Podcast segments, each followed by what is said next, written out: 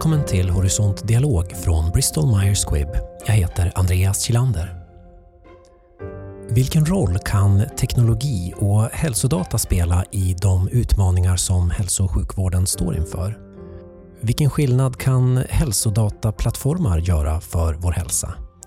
Ja, pandemin har förändrat vår syn på vårdens tillgänglighet. Och nu pratar jag inte om begränsade vårdplatser under extrema toppar utan om en vård som inte längre begränsas av den fysiska platsen eller av tillgången till experter just där du bor. Jag pratar om digitala vårdtjänster, nya nära samarbeten mellan aktörer i vården och hur hälsodata blir till datadrivna insikter som används för att eh, snabbt utveckla och skala innovationer som räddar liv. Vi lever i en tid där läkemedel, biologi och teknologi konvergerar och där ingen ensam aktör besitter all expertis utan där värde uppstår när vi kopplar samman aktörer inom vården, när vi kopplar samman läkare med patienter och Sverige med resten av världen. Digitala hälsoplattformar kan facilitera den här typen av utbyten, men eh, de är inte en lösning i sig utan snarare en förmåga som vi behöver lära oss att använda, utveckla och kultivera. Så eh, vad händer när vi på riktigt börjar använda den här förmågan i vår vardag för att eh, påskynda klinisk forskning, lösa hälsoproblem innan de uppstår och förbättra tillgången till vård helt enkelt? Idag pratar vi med Nassim Farouknia. Och Nassim hon är hälso och sjukvårdschef inom Microsofts Västeuropa-team och en sann förespråkare för hur digitala verktyg skapar nya möjligheter och konkreta värden för läkare och för patienter. Hon har arbetat inom svensk hälso och sjukvård de senaste 25 åren som läkare, forskare och chef. Och med en erfarenhet som spänner från SÖS-akuten till digitala vårdaktörer som Kry och Mindler så står hon med ett ben i varsin värld som nu blir en. Jag pratar såklart om vård och tech. Vid min sida så har jag Katarina Beach som länge arbetat för att öka den datadrivna utvecklingen inom vården och hon var också en av initiativtagarna till Sveriges första center för hälsodata. Katarina är Head of Public Affairs på Bristol Myers Squibb. Vi säger välkommen till Nassim Farouknia. Vi är här med Nassim. Välkommen. Tack så mycket. Hur är läget idag? Det är superbra. Tack. Jag säger också välkommen till eh, Katarina från Bristol Myers Squibb. Tack och det är väldigt roligt att vara här. Ska vi börja med dig eh, Nassim? Eh, tittar man på ditt eh, CV så ser man ganska direkt en genomgående röd tråd och det är ju hälsa. Hur blev det så? Ja, men jag är en lösningsorienterad och mycket nyfiken person. Så någonstans så tror jag att det finns ju att lära från eh, andra och andra miljöer och ta in de lösningarna in i vården. Därav att jag rört mig mycket mellan olika miljöer. Ja, just det. Och eh, tittar man där du är nu, sen i mars om jag har rätt info här, så arbetar du på ett av världens största techbolag. Då blir man ju nyfiken där, vad kan det här eh, hälsointresset bli med en global plattform? Ja, men, eh, och jag minns att eh, från ett av de möten jag haft just i Microsoft eh, så kallade klinikernätverk slog det mig när jag satt i möte och lyssnade på kollega från Indien, någon var från Kenya, jag som är född i Iran och bor i Sverige täcker de nordiska länderna som del i Microsoft Västeuropa-team och så ledaren av mötet, David Rue som är amerikan. Wow! Mm. Att eh, det finns många utmaningar som är sig lika oavsett var i världen och på vilket sätt vi kan använda de här eh, tekniska verktygen, mm. Eh, modern teknologi och lösa de här utmaningarna. Och att kunna dela erfarenheter så vi slipper slipper uppfinna hjulet om och om igen. Och jag minns att första gången jag hörde begreppet att göra leapfrog, ja. att kunna göra leap, alltså att mm. någon annan har testat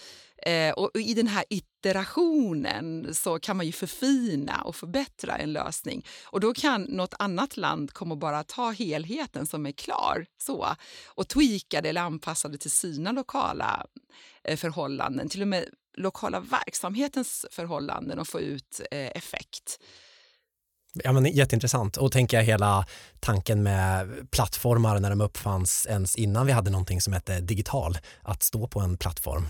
Vad säger man? Standing on the shoulder of giants brukar man ju säga när man refererar om plattformar rent generellt, att bygga vidare på saker som andra redan har gjort. Ja, och då tänker jag, det blir också nästan, eh, för då, då pratar vi internationella standarder som går att koppla samman eller integration. Och det har slagit mig flera gånger. Jag kom ju till Sverige som 18-åring och för mig var språket ingången till en helt ny kultur. Mm. Så, så, samma tänk av koppla ihop har jag tagit med mig in i om det nu är SÖS-akuten eller eh, så kallade nätläkeriet när man kopplar ihop eh, ett gammalt sätt eller traditionellt sätt att producera vård in i ett nytt. Eller hur vi på nya sätt kan koppla läkare och patienter och skapa mer interaktivitet. Eller hur kan vi koppla samman eh, rum där vi har data eller information i Sverige med resten av Europa. Och då plötsligt så har vi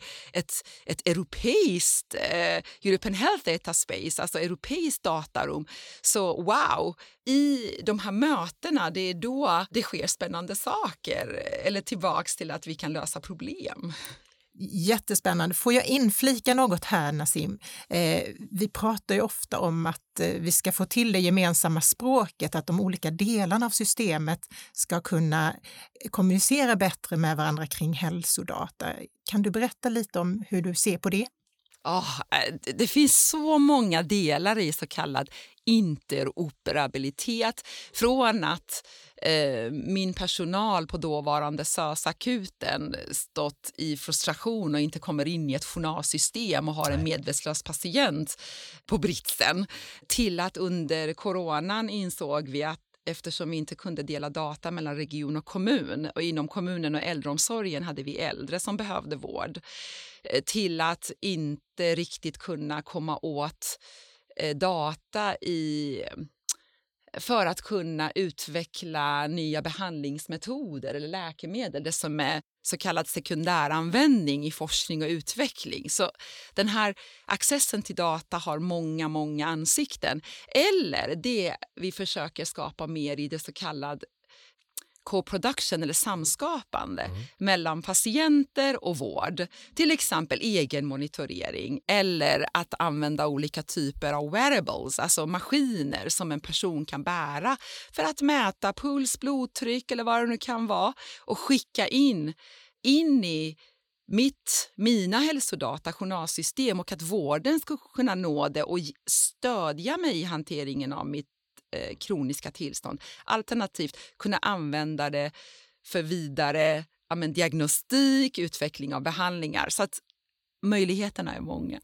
Katarina, jättebra tanke där tycker jag kring språket, för det är ju otroligt intressant när man närmar sig liksom det här äh, området. Men, men pratar man samma språk om man tittar på vård och tech? Om vi tar det som ytterligheter. Jag skulle hävda att liksom, båda de här områdena har ju alltid på något sätt handlat om att skapa värde av data. E, en tolkning eh, som jag tycker har varit spännande det är eh, att, att vården och ingenjörskonsten mm. alltså, behöver förklara på något sätt för varandra. Jag tror så här att Eh, när jag har suttit i så kallade design thinking workshops, eh, de, de upplevde för första gången på ett techbolag slash ett, ett digital vårdgivare, eh, där vi från vårdsidan förklarade vad vi ville ha löst. Och när vi konkret hade lyckats förklara det. Då kunde ingenjörskollegorna förstå ah, så här skulle vi kunna lösa det. Och så ville de presentera sin lösning och så ville de att vi skulle testa det i, i konkret användning. Och så kunde det komma mer insikter ur det som kunde byggas tillbaka. Så att eh, absolut att vi i vård respektive eh, tech har lite olika lingo och alla har ju sina förkortningar. Och Då måste man förklara liksom, i detalj mer vad är det man menar på riktigt. Ja, Nassim, det här är ju jätteintressant och hur skulle vi då kunna koppla språk och interoperabilitet till den här framtida utvecklingen för hälsodata? Alltså i, i begreppet interoperabilitet ryms ju mycket. Dels är det ja, men, prata samma språk från vård och, och tech för att kunna identifiera ett problem och försöka lösa det. Dels kan det vara regulation, alltså det regelverk som sätter stopp eller skapar hinder, block i interoperabilitet. Och dels kan det vara att det helt enkelt saknas internationella standarder. Och i, i Sverige är vi duktiga, vi har eh, av tradition varit väldigt duktiga på ja, men kvalitetsregister. Vi har ju rätt mycket information på vår på vår befolkning. Så. Och samtidigt så kan ju den här informationen vara låst i diverse rum eller silos eller name it, så att de inte riktigt kommunicerar med varandra. Och vi behöver också kunna närmare samarbeta över vissa organisatoriska gränser och i synnerhet när det är säg vård, akademi och näringsliv för att tillsammans kunna lösa olika typer av problem helt enkelt. Mm. Och kanske när det gäller kvadrupelhelix och att få med patientens perspektiv. Ja, självklart. Tack för påminnelsen. Jag tänker så här att det är patienten i centrum och jag minns oh, i och med min vårdbakgrund på flertal av verksamhetsvisioner där ute och verksamhetsplaner så står det patienten i centrum men att de facto göra liksom kött och potatis av det. Och jag tycker att eh, patientorganisationerna de är fantastiska, de syns och hörs mycket mer och det är en av de absolut starkaste vinsterna med den digitaliseringstrend vi ser i hela världen där det finns faktiskt möjlighet att eh, ta fram content, att skapa plattformar, att synas och höras och säga vi vill vara med och till och med själv kavla upp armarna som vi har sett där entreprenörer eh, snedstreck användare utvecklar allt från diabetespumpar till sina barn eh, till eh, egen monitoreringsklockor till föräldrar med demenssjukdom. Det har vi sett. Om vi håller kvar lite vid det här begreppet interoperabilitet, det är ett svårt ord att säga, men det är desto viktigare kanske att, att praktisera.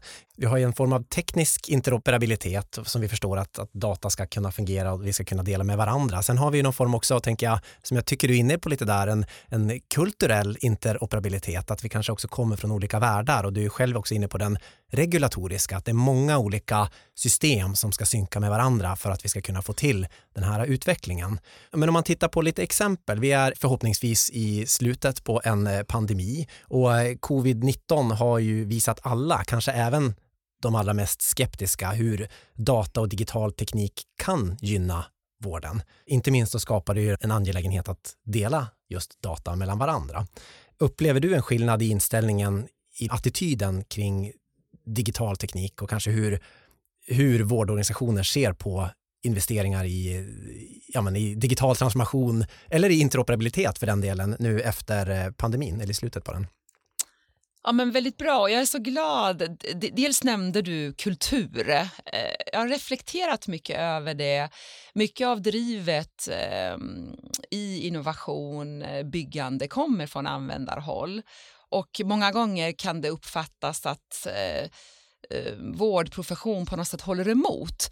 Det som är är att det behöver skapas bättre förutsättningar inne i våra vårdverksamheter för innovation. Alltså utrymme för att själv vara delaktig och tillsammans med patienten testa nya verktyg och nya arbetssätt. För det är nytt och förändringsprocesser de är krävande, inte minst när det har varit mitt under en pandemi. Och Jag hörde precis att det varnas nu för att vi går in i att det är både corona, influensa och RS-virus. Och Det här kommer bli konkret arbetsbelastning för våra vårdpersonal där ute. Och då, med det sagt och belastade arbetsmiljön så kan det bli svårt att samtidigt vara öppen öppen och, och tänka sig nya arbetssätt som förstås. Så att på något sätt att hålla två saker samtidigt, vara visionära och preppa för framtiden och hantera häret och nuet, det är utmanande. Mm.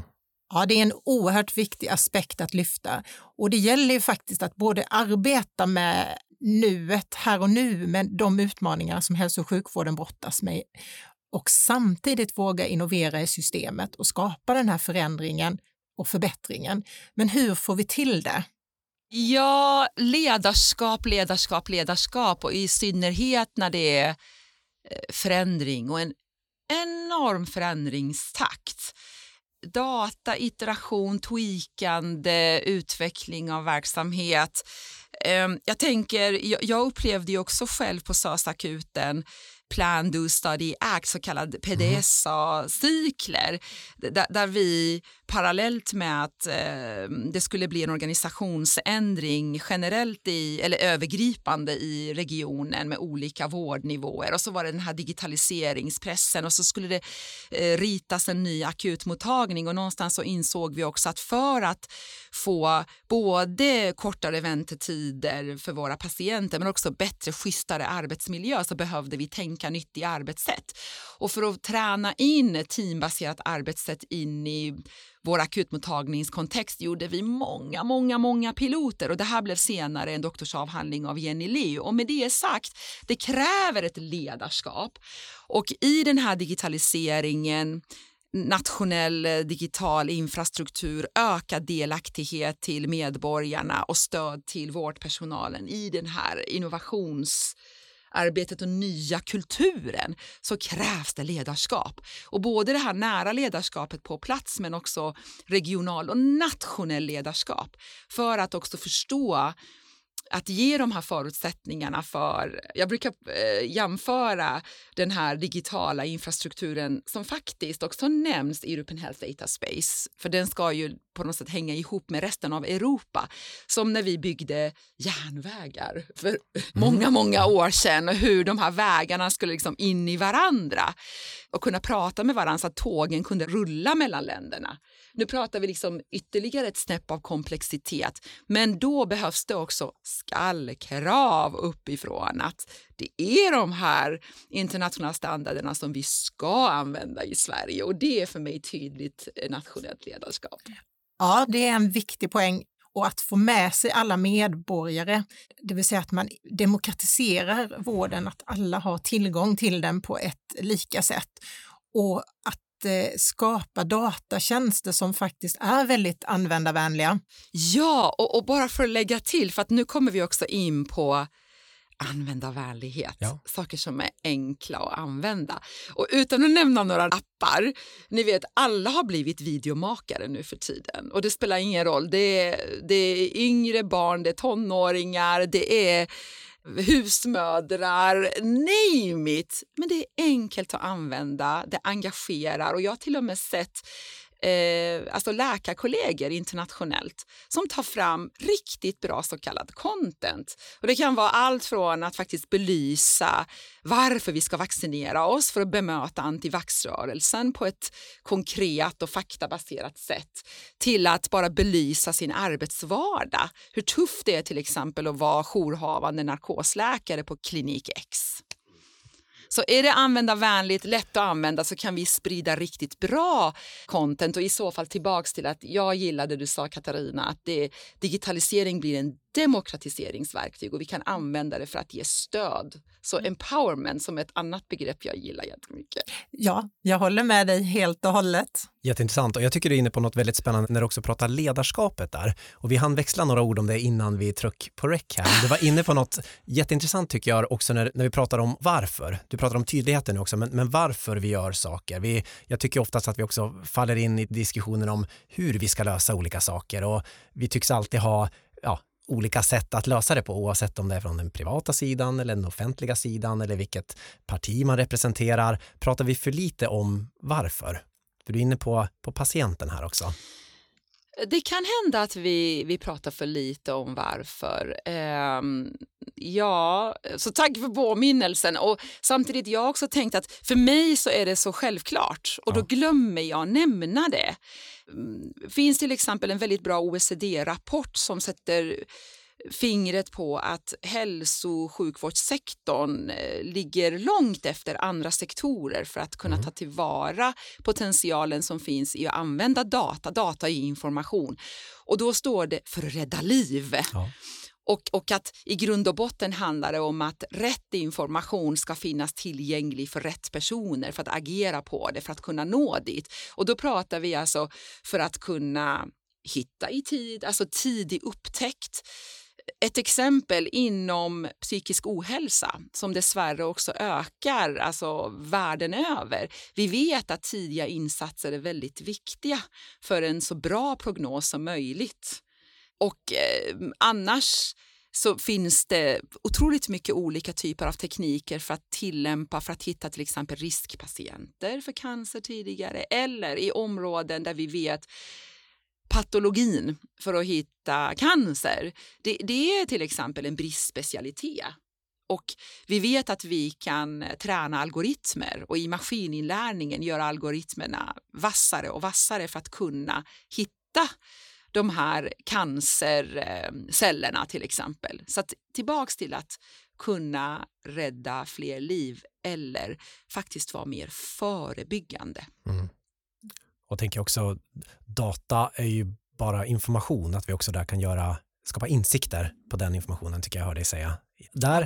Ka, där kanske vi naturligt glider in lite grann, ännu mer på, tänker jag på själva liksom plattformsperspektivet eller ett plattformsmindset och vilka typer av ska vi kalla det värden man kan få ut av att, att tänka plattform eller att vara plattform. Vilken roll spelar plattformar, kanske man skulle börja med, i, kopplat till hälsa? Tänker att plattformar kopplar ihop.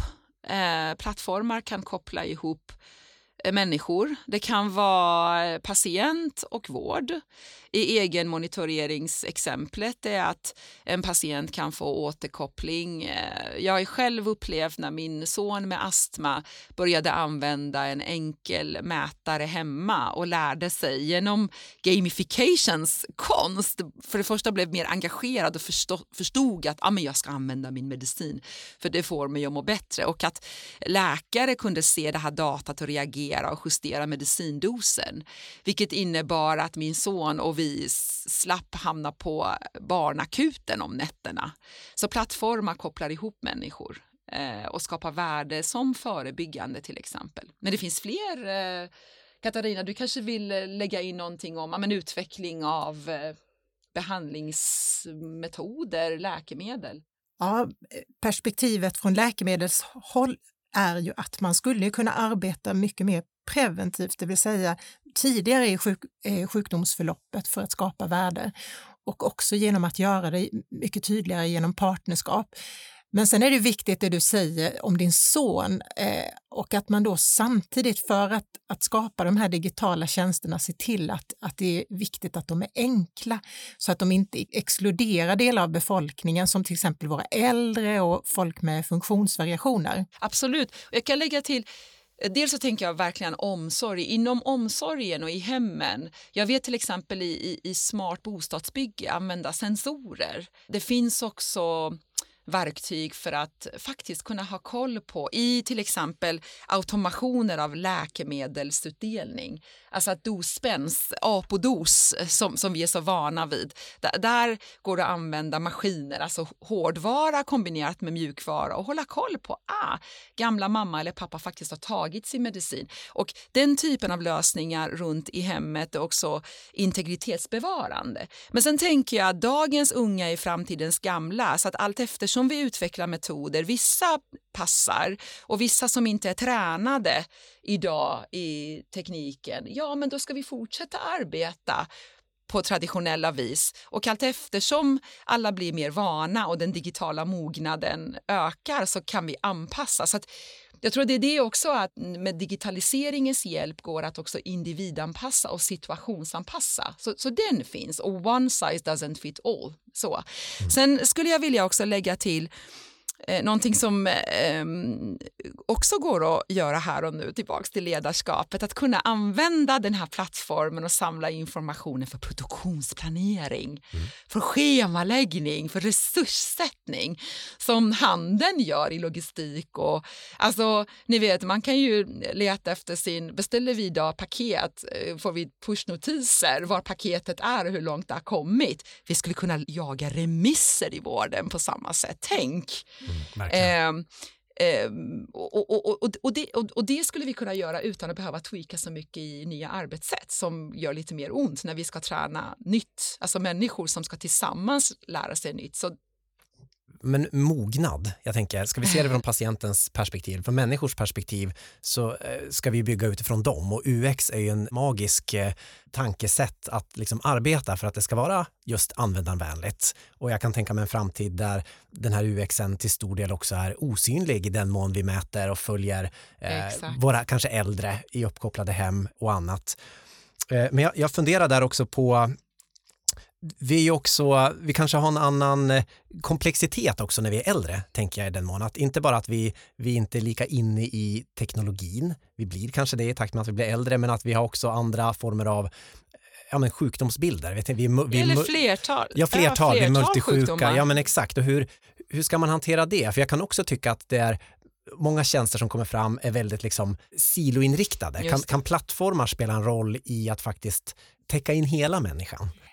Kan jag få inflika att det är också så att allt fler lever med kroniska sjukdomar länge och har ju också ett stort behov av att, att dela sin data och få tillgång till data och, och systemet. Ja, absolut. Och eh, eh, era inlägg kompletterar ju varandra på något sätt. Och, och, redan idag prövas det både i Sverige och sen så har jag sett rätt mycket på det som HUS, alltså Helsingfors universitetssjukhus, prövar med teknik. De började sin resa redan 2009 och byggde en, en mm, så kallad mental health hub. Och sen har de allt eftersom också tagit in avancerad teknik inklusive molntjänster under 2014 och håller på och bygger och utvecklar tydligt eh, med universitetssjukhuset eh, plattformar för datadelning och så är vårdpersonalen inne och såklart patienterna. Och då testar de ehm, just säg dialys i hemmet och sen diabetes. Och så hur det funkar när det är flera olika så kallat parallella säg, vårdspår där det är olika vårdpersoner som är sakkunniga eller ansvariga. Så att jag tänker att om inte vi vågar och gå in och testar, hur ska vi veta? För facit kan knappast landa i knät på oss någon gång i framtiden. Eh, en annan sak är ju det här med real world data och där tycker jag det är intressant kopplat till själva jag menar, hastigheten i data. Återigen, i pandemin såg vi verkligen värdet av eh, data uppdaterad i realtid. Liksom världens statsepidemiologer behövde liksom nästan sekundfärsk data för att fick man en för sent då, då kom det fel typer av insatser. Hur, hur går tankarna där och vad finns det kanske för flaskhalsar som du ser från ert perspektiv? Ja, och jag vill också lägga till, alltså ge eloge till eh, vi, det, det, också att användandet av nationella registret för att faktiskt hjälpa varandra över intensivvårdsplatser och visa vilken totalkapacitet det fanns i landet. Det är ju fantastiskt. Verkligen. Eh, Ja, alltså du sätter fingret på något så spännande. Den här iterationscykeln, apropå det jag nämnde Plan, Do, Study, Act som vi testade för ett nytt arbetssätt. Hur iteration i att eh, tweaka och utveckla en produkt eller tjänstedesign, den digitala, det är hisnande mm. i all automationer, eh, självkörande bilar, name it, vilket innebär att jag ser möjligheten istället för att bara skrämmas av att alltså, mänskliga hjärnan kan knappt hänga med. Eh, eller kanske att hjärnan hänger med, men händerna hänger inte med. I hur vi liksom... Men eh, faktiskt eh, det här ordet agilitet mm. som vi har, om vi ska tolka det att eh, på något sätt att eh, RCT, randomiserade kontrollerade studierna, absolut. Eh, men det finns också andra sätt att ta in kunskap och förutom att man ska faktiskt intervjua, alltså kvalitativa eh, arbetssätt och fråga eh, användarna, upplevelsen. Eh, nu går vi in också på patient reported experience measure, men patient reported outcome measure, alltså data som kommer in, det kan vi använda tillbaks till plattform och koppla för att eh, i så fall eh, i det som kallas för real world evidence, alltså koppla på en utvärdering, en forskning till en faktisk produkt eller en process som används. Ja, men som exemplet som jag gav med, eh, med HUS, Helsingfors universitetssjukhus. Så att koppla till mm, en produkt eller en tjänst där eh, två interfaces av användare, det vill säga patient och vård är hopkopplade, genereras data och det här datat ska vi använda, utvärdera och självklart också går det att peer-reviewa det, alltså att publicera det vetenskapligt. Det är tjusningen. Eh, sen att vi vet att peer review tar lite mer tid, men utveckling av produkt går lite snabbare. Och i båda finns det självklarhet, möjlighet och ska inhämtas medgivande. Och det kan vi också bygga in digitalt, mm. så det går ju mycket, mycket snabbare. Mm. Ja, det där är så intressant. Och jag är själv jättenyfiken på liksom själva hastigheten. Jag vet inte varför jag, jag har pandemiexemplet som ett liksom återkommande exempel, men jag tänker också den delen att, att forskare kan ha, om vi pratar USA, botemedel för ett vaccin innan det ens har kommit till den kontinenten. Tänker där Katarina, hur man kan använda den här datan i, eh, men i leveransen av nya läkemedel och i upptäckten och att vi, hur vi kan vinna allihopa på att snabba på cyklerna även om vi förstår att vissa saker behöver ta sin tid. Men det är också viktigt att vi får möjlighet att följa patientens behandling och där kan vi bli betydligt skarpare. Eh, och det handlar ju om att kunna mäta och följa upp effekterna och eh, sedan kunna återkoppla det till den vård och behandling vi ger. Det är också att lära och utveckla vården men också att ge den bästa möjliga vård och behandlingen för patienten.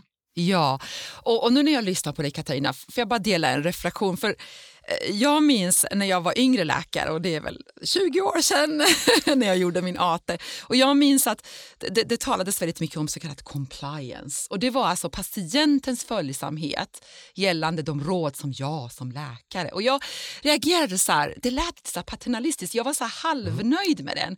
Plus att jag visste ju att compliance-siffrorna var ganska låga och ingen var ju nöjd med det. Varken läkemedelsindustrin som faktiskt ville hjälpa människor med den här behandlingen. Och jag som läkare, jag tänkte att alltså, någonting till måste ju... Det räcker inte att jag står och liksom har envägskommunikation med min patient. Det här ska du ta. Och då går vi in i och för sig på mjuka värden som att faktiskt skapa förtroende för varandra, trust. Mm. Men samtidigt, tänk att ha det här mer interaktiva. Och Samma sak gäller FAR, alltså fysisk aktivitet på recept. För för mig som internist, håller på med hjärt-kärlsjukdomar och forskat, disputerat inom stroke och diabetes, hur viktigt det är att ha den här plattformen för interaktivitet för att kunna på ett helt annat sätt både bygga förtroende nära den relationen men få in också feedbacken från patienten ifall varför man kanske inte vill ta medicinen eller varför det blir uppehåll i behandlingen eller vilka sätt skulle jag kunna stötta min patient i att faktiskt skapa en helhet kring att ta läkemedlet eller ni vet jobba på de andra riskfaktorerna som har att göra med hjärt-kärlsjukdomar för att förebygga att nya stroke eller hjärtinfarkter uppstår. Så, så att på, på, på det sättet så minskar vi liksom eh, lidande men också kostnader för vården. Ja, jag kunde inte sagt det bättre själv.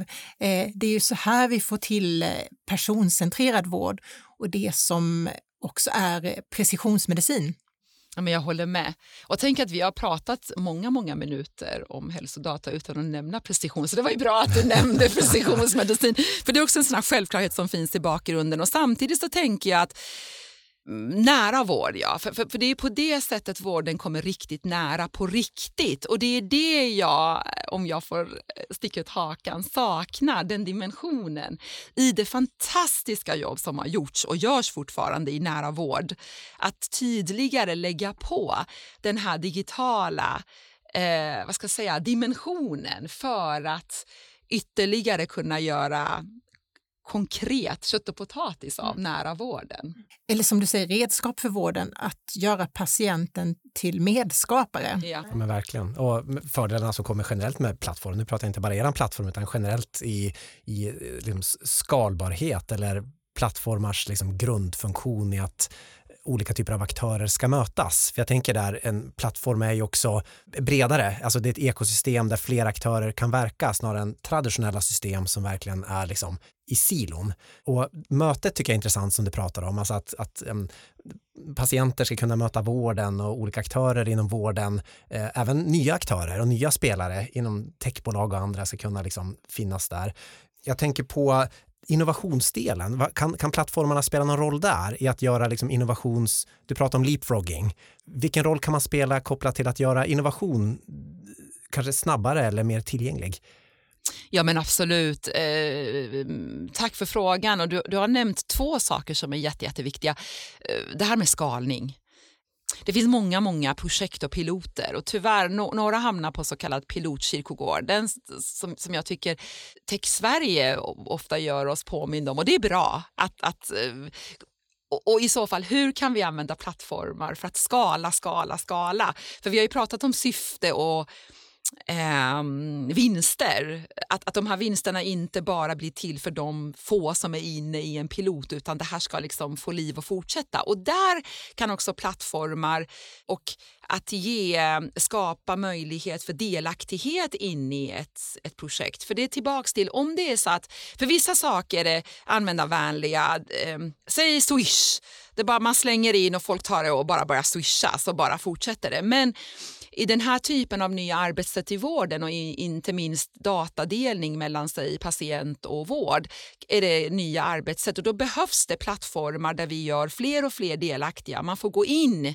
och testa det och så bara skala, fortsätta, lägga till fler och fler och fler personer och i så fall sprida det till en eh, hel arbetsplats, ett sjukhus, en, en kommun, en region.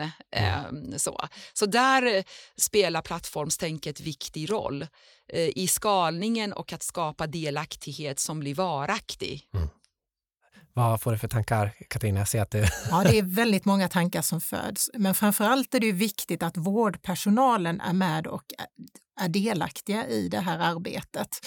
Eh, de är ju ändå något slags nav och vet vad som behövs. Och det är ju deras behov som ska tillmötesgå för att skapa den här bättre situationen. Och det är runt dem som vi som företag kan bygga vårt partnerskap håller absolut med. Och jag vet också att jag som har rört mig eh, mellan olika miljöer, jag har jobbat eh, över 20 år i offentlig sektor och även haft regeringsuppdrag och nu eh, senaste, jag brukar säga bara senaste fem åren i privatvård. Så det, mm. eh, hör ofta hur kollegor säger att det finns en, en så kallad beröringsskräck som vi faktiskt behöver prata om, för alla vill ju skapa värde. Alltså någonstans så vill vi ju inte minst, jag gjorde min postdoc på SBU, Statens beredning för medicinsk och social utvärdering, alltså gemensamma skattemedel. Och det, det, det är den dimensionen vi har i Sverige som HTA-organisationer internationellt inte har, alltså hälsoekonomiaspekten. Hur får vi ut mest värde för våra satsade skattemedel? Och alla aktörer, tillbaks till Katarina eh, kvadrupelhelixen mm. med, med vård, akademi, näringsliv och förstås patienter vill ju få ut mer värde, mer hälsa. Och då behöver vi pröva eh, samverkan och samarbetsmöjligheter i den här typen av öppna plattformar för att faktiskt driva utvecklingen fram. Och någonstans så vill jag ändå stanna i att, ni vet, jag är väldigt optimistisk. Jag, jag har överlevt en, en revolution, ett krig och jag är så medveten om att jag fick en andra chans och fick leva, fick komma till Sverige. Så på något sätt så finns det syftet väldigt, väldigt tydligt. Så att någonstans att kreativiteten och innovationerna och den här typen av att kunna tillsammans hitta lösningar, det tror jag på. Mm. Vi har pratat möjligheter, vi har pratat framförallt om verkligheten. Jag tycker det har varit väldigt pedagogiskt också pratat om resan hit. Vi har varit inne också och pratat tycker jag, om, om värdet av ett eh, gemensamt språk i alla dess olika former för att vi ska kunna ta oss framåt om vi ska blicka lite framåt och kanske också låta oss eh, våga tappa fotfästet lite grann. Vad ser du om vi blickar liksom och tittar kanske på, eh, ja men jag tänker en sån sak som gränserna mellan vad är vård och vad är forskning och vad händer, suddar liksom digitaliseringen ut det här? Hur kommer det här eh, ja, ekosystemet utveckla sig? Du får, du får skära den här frågan lite grann som du vill. Ja, men eh, snarare att eh, digitaliseringen Eh, för alla närmare varandra. Mm. Eh, vilket gör att utbyte och interaktivitet blir mycket enklare. Och jag tycker bara redan eh, tillbaks till min egen erfarenhet, bara hamna i ett så kallat techbolag som sen så småningom utvecklats mer och mer som eh, vårdleverantör, vilket både Kry och även Mindler har varit och är. Att, att se wow, de gånger jag har suttit runt bordet med användare, alltså slash patienter, men också ingenjörer och UX-designer, alltså den typen av tvärprofessionalism och olika perspektiv, enormt berikande och gör att man plötsligt eh, hittar lösningar som man ensam inte hade kunnat gjort. Och detsamma gäller eh, när, när, vi tar fram vården, eh, det är akademin, det är näringslivet och förstås användarna då tillbaks till vad vi försöker åstadkomma. Vilka värden? Nej, men jag ser det också. Eh, nu är vi ju åter det här med varandras språk eh, och hur vi ska kunna tillgängliggöra då forskningen globalt. Jag tror att det är jätteviktigt att eh, koppla samman forskning på ett helt nytt sätt så att man till exempel eh, kan få till det runt sällsynta sjukdomar, ovanliga cancerformer och snabbare kunna nå ut med effektiv vård och behandling som faktiskt också skapar värde för, för patienterna. Ja, men den där äh, framtiden som ni pratar om, den prenumererar jag definitivt på. En avslutande fråga, Nassim. Vad skulle du önska, om du fick önska nu här i, i podden, vi vet inte vem som lyssnar, eh, det kan hända. Eh, vad skulle du önska att patienterna får för värde av, om man pratar liksom specifikt läkemedel kopplat till hälsodata och kanske inom en, eh, ganska, en liten kort period, säg den här kommande mandatperioden. Det första som poppar upp i huvudet är faktiskt tillgänglighet. Ehm, och jag tror... Ehm, och tillgänglighet det kan ju vara alltså access till data. Vi har nämnt European Health Data Space som en EU-förordning i den riktningen. Vi har talat om eh, entreprenörskap alltså att bygga. Och vi har pratat om att digitalisering är demokratiseringsverktyg. Och jag minns att jag tidigt lärde mig kunskap är makt. Och någonstans, alltså makt kan, kan låta lite så farligt, men, men tänk för en individ som har access till sin data. Och då kan jag säga alla de gånger jag har stått på en akutmottagning, jag själv varit läkare, tagit emot en patient och frågat okej, okay, vad har du för eh, mediciner? Så säger de, men jag har en sån här vit och jag har en sån här röd och jag har en sån här. Ingen aning. Och, och, och, alla de gånger patienterna har på något sätt, de, de tar för givet, ja men det är klart att du läser, du kommer väl åt min journal va? Hmm. Så att vi i vården, får jag säga vi i vården på något sätt, eller i eh, organiserat vården på ett visst sätt. Men i syvende och sist för patienten handlar om att ha tillgång för att kunna få hjälp när vederbörande behöver det och faktiskt ligga lite steget före för att inte behöva hamna till exempel på akuten i onödan. Så därav att tillgänglighet och accessen till den här informationen i rätt tid det blir kärnan. Och sen att man kan bygga precisionsmedicin på det och göra en massa coola grejer, absolut. Eh, mm. Det går att göra också. Mm. Jättebra svar tycker jag. Katarina, får du några tankar här? Ja, när jag lyssnar på Nassim så får jag alltid massor med tankar. och en sån tanke är ju att vi måste ju se till att det här hälso och sjukvårdssystemet blir digitalt och att eh, man bygger ett sådant system där patienterna faktiskt får vara delaktiga i sin vård och eh, göra det de kan göra så att man faktiskt ser till så att de som inte har den möjligheten får mer tillgång till vården och kan träffa eh, specialistvård eller eh, primärvård när de så behöver. Och här tror jag att vi kan lära oss mycket av andra branscher där man kommit längre, som till exempel banksektorn, hur man faktiskt inkluderar eh, sina kunder eller då i vårt fall patienterna på ett smart sätt. Verkligen. Nassim eh, och Katarina, stort tack för att ni gästade podden. Tack själv, verkligen, för att jag fick vara med. Stort tack. Lycka till i arbetet framåt. Tack. Tack för att du har lyssnat på Nassim på Tack för att du har lyssnat på Nassim och på Katarina och på mig. Vi eh, hoppas att du fått nya tankar, inspiration och kunskap som du kan ta med dig in i din vardag och i dina egna sammanhang. Och blir du nyfiken på fler aktuella frågor och samtal med forskare, vårdgivare, beslutsfattare och andra så rekommenderar jag ett besök på horisont.bms.se och det är horisont med ett Z. Tack för att du har lyssnat. Hej då!